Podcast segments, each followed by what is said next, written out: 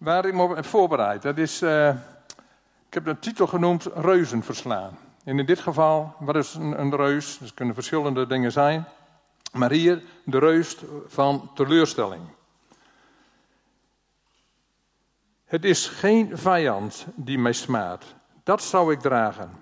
Het is niet mijn hater die zich over mij verheft. Voor hem zou ik mij verbergen.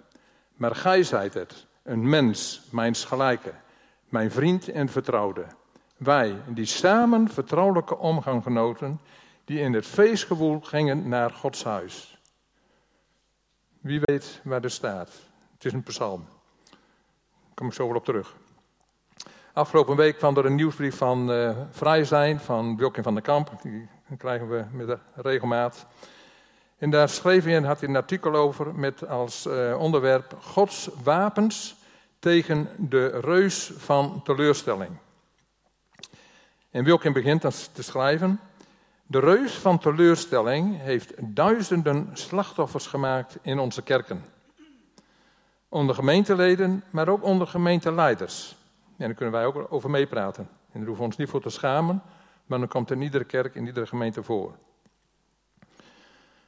Hij schrijft: Het wordt tijd dat we hem op de juiste manier aan de kaak stellen en hem met de juiste wapens gaan bestrijden. En dan gaat het over de psalm waar ik net citeerde.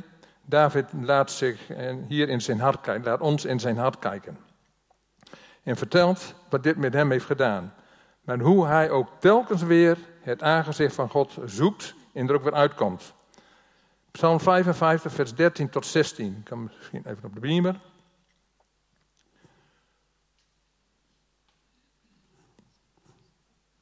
Ja, dus ik citeer het even weer. Het is geen vijand die mij smaadt. En dat smaden, weet je wat dat betekent? Dat betekent letterlijk schandelijk beledigen. En er is geen vijand die dat gedaan heeft. Dat zou ik kunnen dragen. Het is niet mijn hater die zich over mij verheft, voor hem zou ik mij verbergen. Maar gij zijt het, een mens, mijns gelijke, mijn vriend en vertrouwde. Wij die samen vertrouwelijke omgang genoten, die in het feestgewoel gingen naar Gods huis. En David eindigt dan met de woorden in deze psalm, de versen 17 en 23. Maar ik, ik roep tot God, de Heere zal mij verlossen. Werp uw bekommernis op de Heere. Hij zal voor u zorgen. Hij zal nimmer meer toelaten dat de rechtvaardige wankelt. En hier dacht ik over na. Hij zal nimmer toelaten dat de rechtvaardige wankelt. En hij heeft het hier ook over zichzelf. Hij heeft het over die haters. Hij heeft hem, wie hem dwars zat, mijn vriend. En ik kom er zo wel op terug wie die vriend was. Misschien dat je wel een vermoeden hebt wie deze speciale vriend van, ik kan het naam vast wel noemen, kun je erover nadenken, dat was Achitofel. Een zeer wijze man, een raadsheer, die iedereen, of die David ook adviseerde. En het was zelfs zo met Achitofel, dat was iemand, als men om advies vroeg aan hem, en hij gaf antwoord, dat waren, dan beschouwde men dat ook als woorden en wijsheid van God zelf. Dat men God om raad vroeg, dat hij zo door Achitofel heen sprak. En zo werd hij ook gewaardeerd, enorm gewaardeerd door David. En die laat hem vallen. En dan zegt David aan het einde van deze psalm: Hij zal nimmer meer toelaten dat de rechtvaardige wankelt. En dat is ook bij David gebeurd. Hij bleef standvastig. Maar hij was wel de oorzaak van dit probleem. Want waarom schrijft hij dat? Die vijand, Architofel. En er waren nog meer. Waarom liet Architofel hem vallen? Dat heeft een reden. En daar was David zelf de oorzaak van. En daar willen we naar kijken.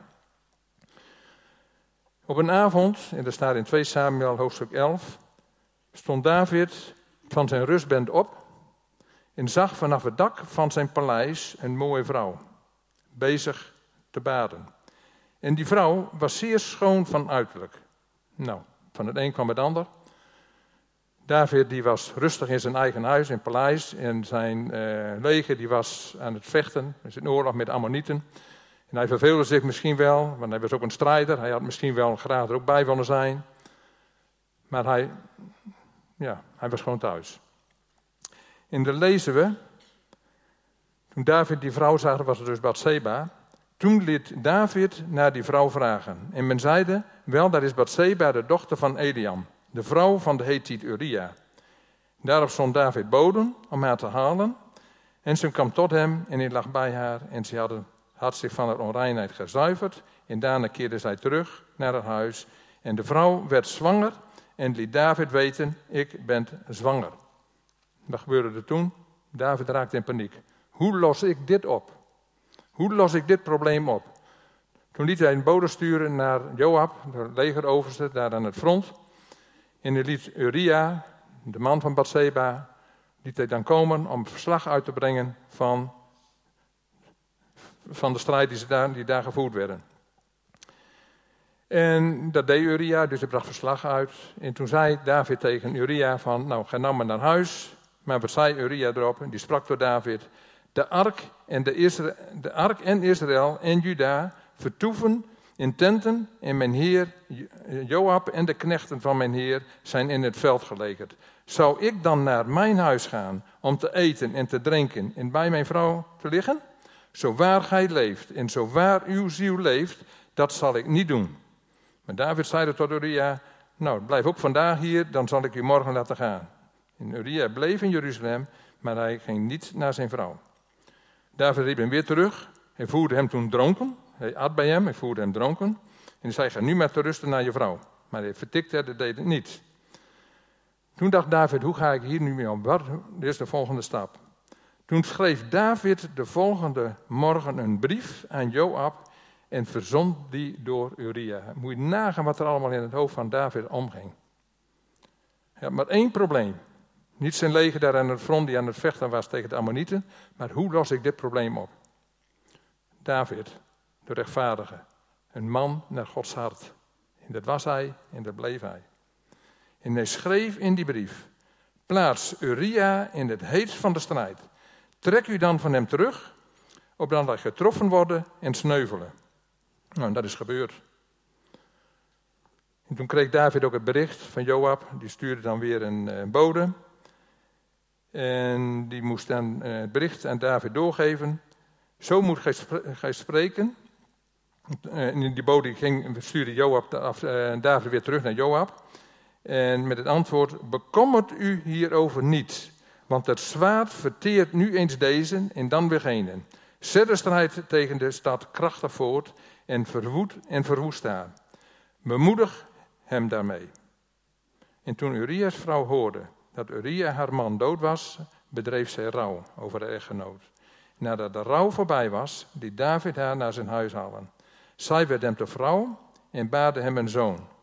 Maar de zaak die David gedaan had, was kwaad in de ogen des Heren. En dan het vervolg, en dat gaan we nu ook even lezen. Dus hoofdstuk 12, 2 Samuel, hoofdstuk 12, versen 1 tot. Nou, dan stoppen we wel mee. En de Heere zond Nathan tot David. Deze kwam bij hem en zeide tot hem: Er waren in een stad twee mannen, de een was rijk en de ander arm. De rijke had zeer veel schapen en runderen. De arme had niets, behalve één klein oorlam dat hij had gekocht en opgekweekt. Het groeide bij hem op, samen met zijn kinderen. Het at van zijn beten, dronk uit zijn beker en sliep in zijn schoot. Het was hem als een dochter. Ineens kreeg, kreeg de rijke man bezoek. En hij kon er niet toe komen een van zijn schapen of runderen te nemen en te bereiden voor de reiziger die bij hem was gekomen. Dus nam hij het oorlam van de arme man en bereidde dat voor de man die hem gekomen was. Toen ontbrandde de toorn van David zeer tegen die man en hij zeide tot Nathan, zo waar de Heere leeft, de man die dit gedaan heeft, is een kind des doods. Eigenlijk sprak hij dit over zichzelf uit. En die had het nog niet door. En het oorlam moet gij viervoudig vergoeden, omdat hij dit gedaan heeft en geen medelijden had. En daarop sprak Nathan tot David, gij zijt die man. En reken maar dat David toen de ogen open gingen en dat is schrok. En zo zegt de Heer, de God van Israël. Zo zegt de Heer. Dat zegt hij met zo zegt de Heer. Wij profiteren soms ook wel, maar dan zeggen we niet, of je moet al heel zeker dat het van de Heer is, maar we zeggen niet zo zegt de Heer. Dan zeg je, ik word bepaald bij iets. Maar hier sprak Nathan de woorden van God uit. Zo zegt de Heer, de God van Israël. Ik heb u gezalfd tot koning over Israël en u gered uit de macht van Saul. Ik heb u gegeven het huis van uw Heer en de vrouwen van uw Heer in uw schoot. Ik heb u gegeven het huis van Israël en Juda. Je moet dan wat, wat God dan zegt. En indien dat te weinig geweest was, dan had ik u nog wel veel meer gegeven. Een God van overvloed. God wil ons geven. God wil ons voorspoedig doen zijn. Lezen we hieruit. Dan had ik je nog wel meer gegeven. Als het nog niet genoeg geweest was. Waarom hebt gij het woord des Heren veracht en kwaad en gedaan wat kwaad was in zijn ogen? De Hethiet Uria hebt gij door het zwaard verslagen. Zijn vrouw hebt gij u tot vrouw genomen. Hemzelf hebt gij door het zwaard der Ammonieten gedood. Dus hij liet het doen, maar David kreeg de schuld. Jij hebt het gedaan. Nu dan.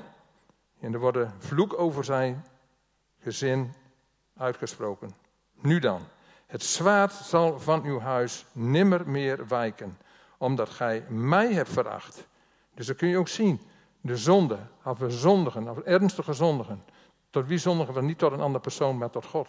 Mij hebt gij veracht.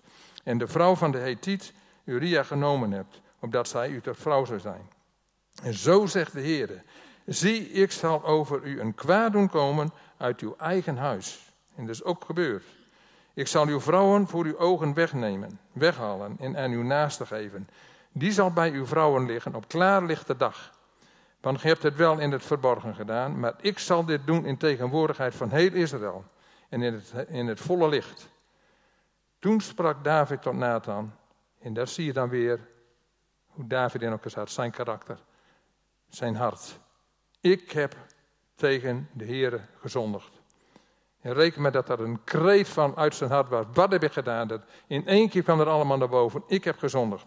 En dan spreekt Nathan, of spreekt God namens, of spreekt Nathan namens God. Eén zinnetje. De Heere heeft uw zonden vergeven. Als je dat allemaal zo leest, het hele verhaal, die hele geschiedenis. David zegt, ik heb gezondigd. Je bent vergeven. De gevolgen van die zonde, die komen. En die blijven. Het zwaard van, van zijn huis bleef doorgaan. Daar lezen we zo meteen nog over. De Heere heeft uw zonde vergeven, gij zult niet sterven. Ofschoon gij door deze daad de vijanden des Heeren zeer hebt doen lasteren. De zoon echter, die u geboren is, zal sterven. Nou, toen ging Nathan weer naar huis. En, de Heer die sloeg het kind. En David die bracht grauw. Die ging bidden in vasten en die probeerde steeds weer... Uh, Heer, red mijn kind, red dat kind. Waarom moet hij de dupe zijn? En dat ging maar door, zeven dagen lang. En op de zevende dag, vers 18, nu stierf het kind. En de dienaren van David, die durfden hem niet mee te delen dat het kind dood was. Want ze zeiden, zie, toen het kind nog in leven was, hebben wij tot hem gesproken en heeft hij naar ons niet geluisterd. Hoe zouden wij dan tot hem kunnen zeggen, het kind is dood?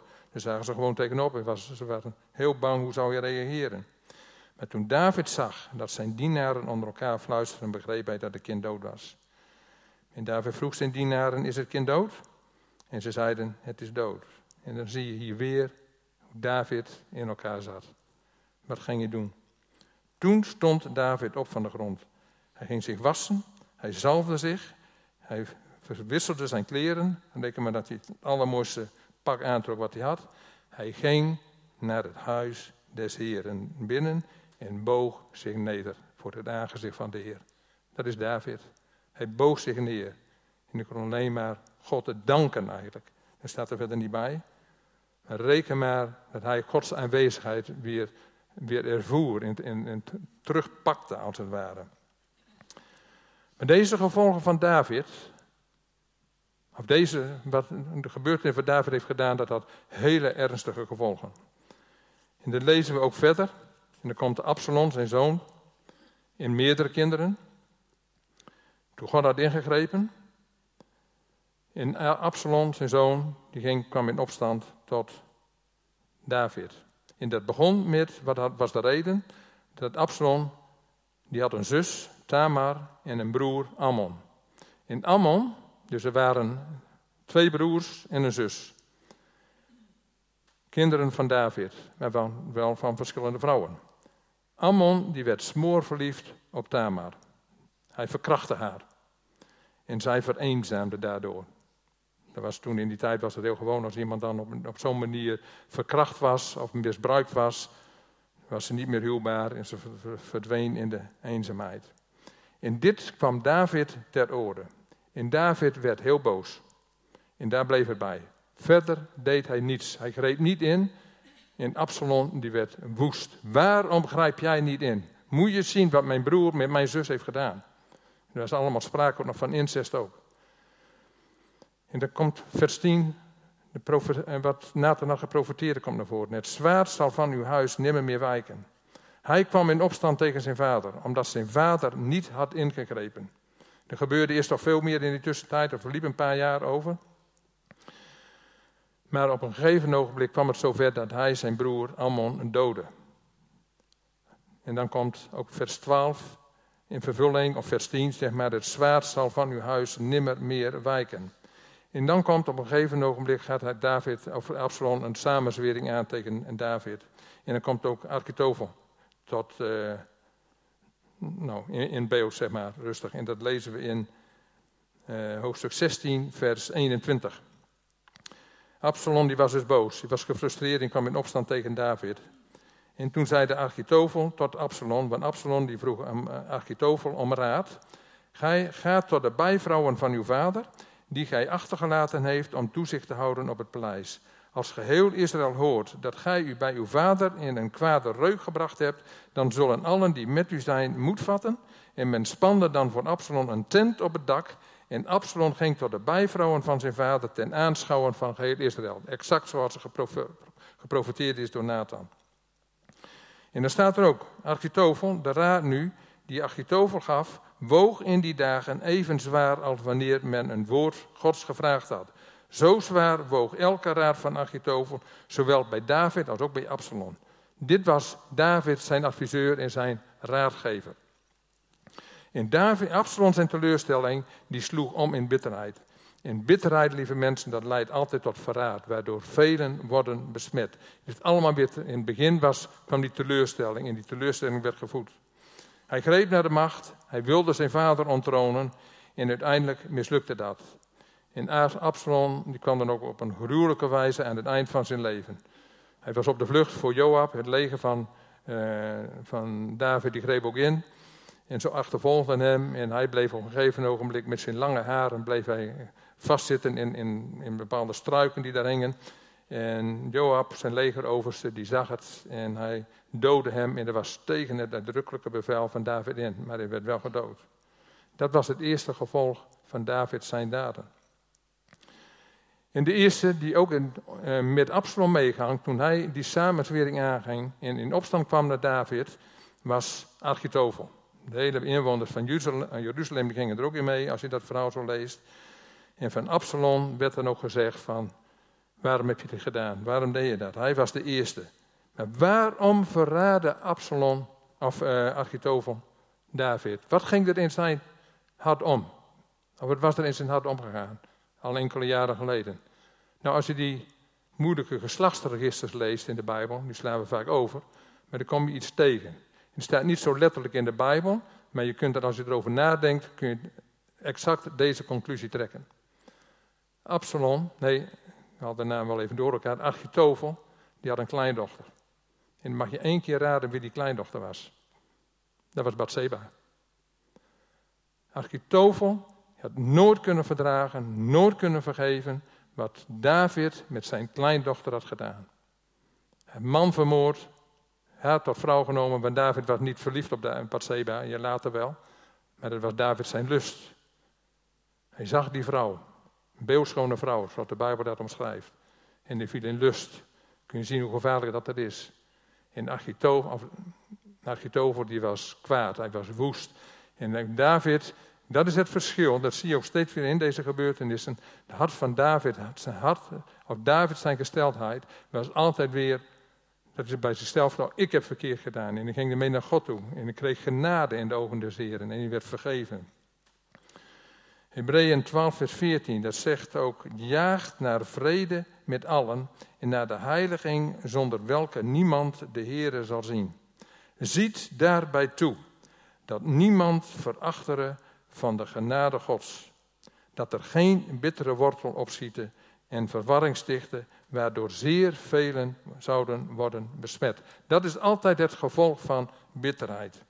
En het begon met teleurstelling, en dan komt boosheid, en dan komt er haat en bitterheid. En de bitterheid leidt dan tot verraad.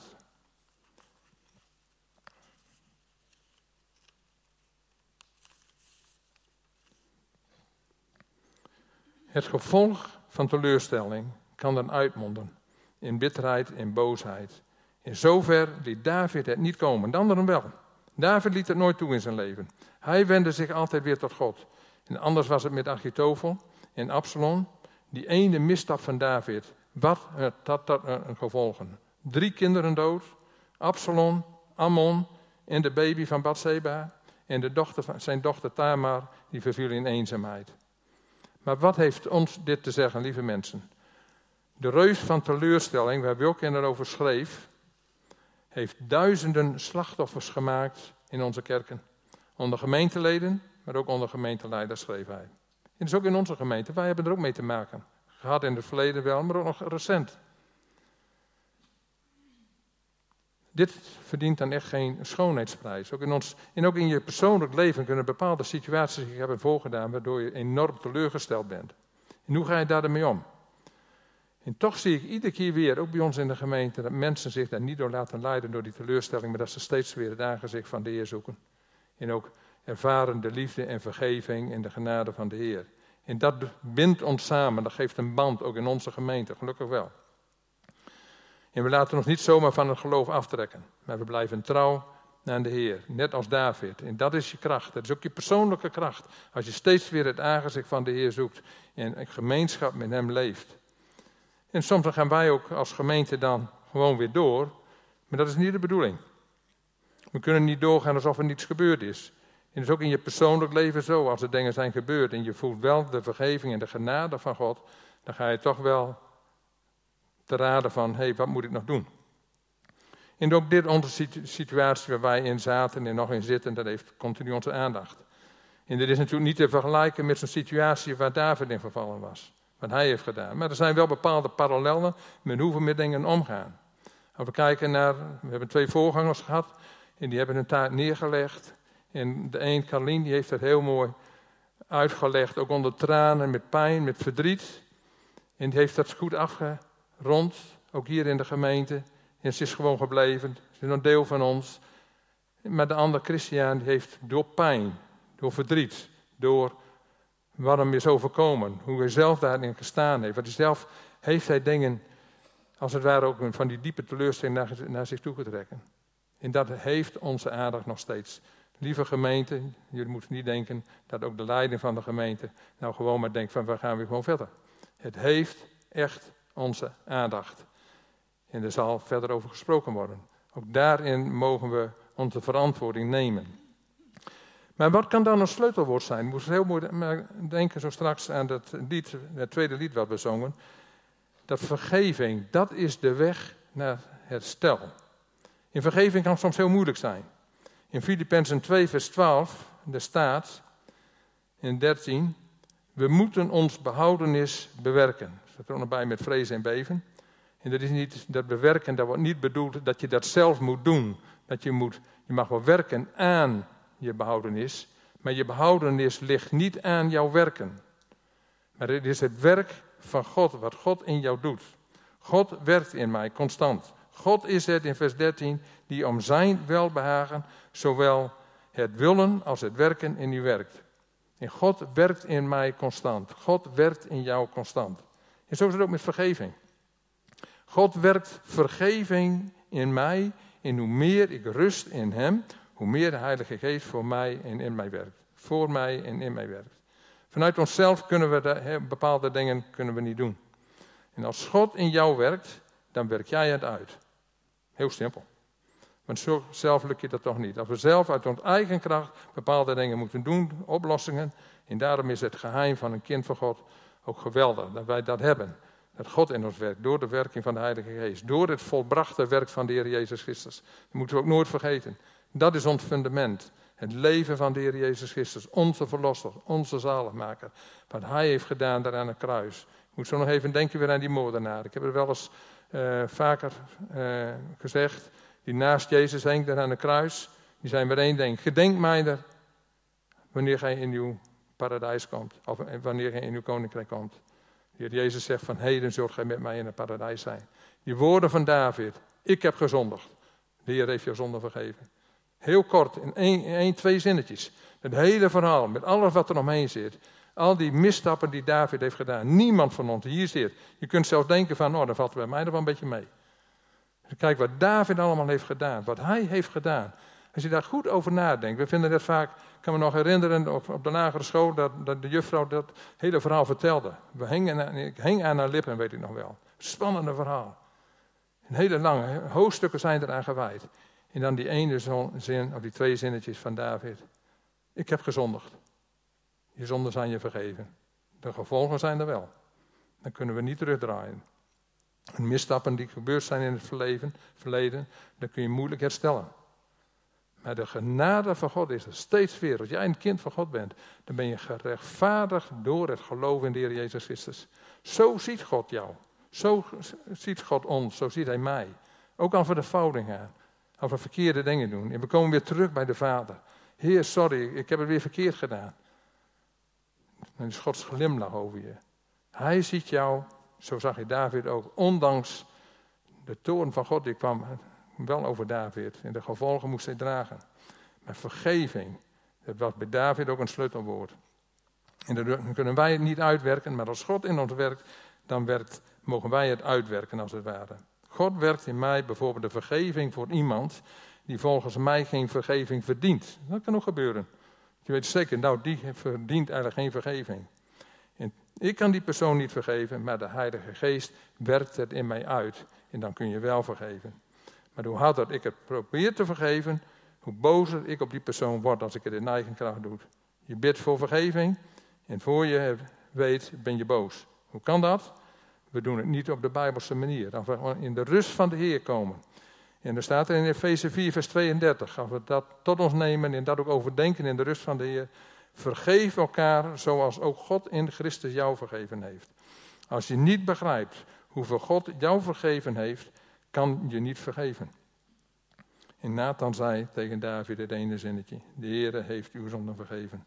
En reken maar dat David dat begreep. En ik hoop dat wij er ook allemaal begrijpen. En dat weten we, als je kind van God bent, dan weet je dat. Hallelujah. Amen.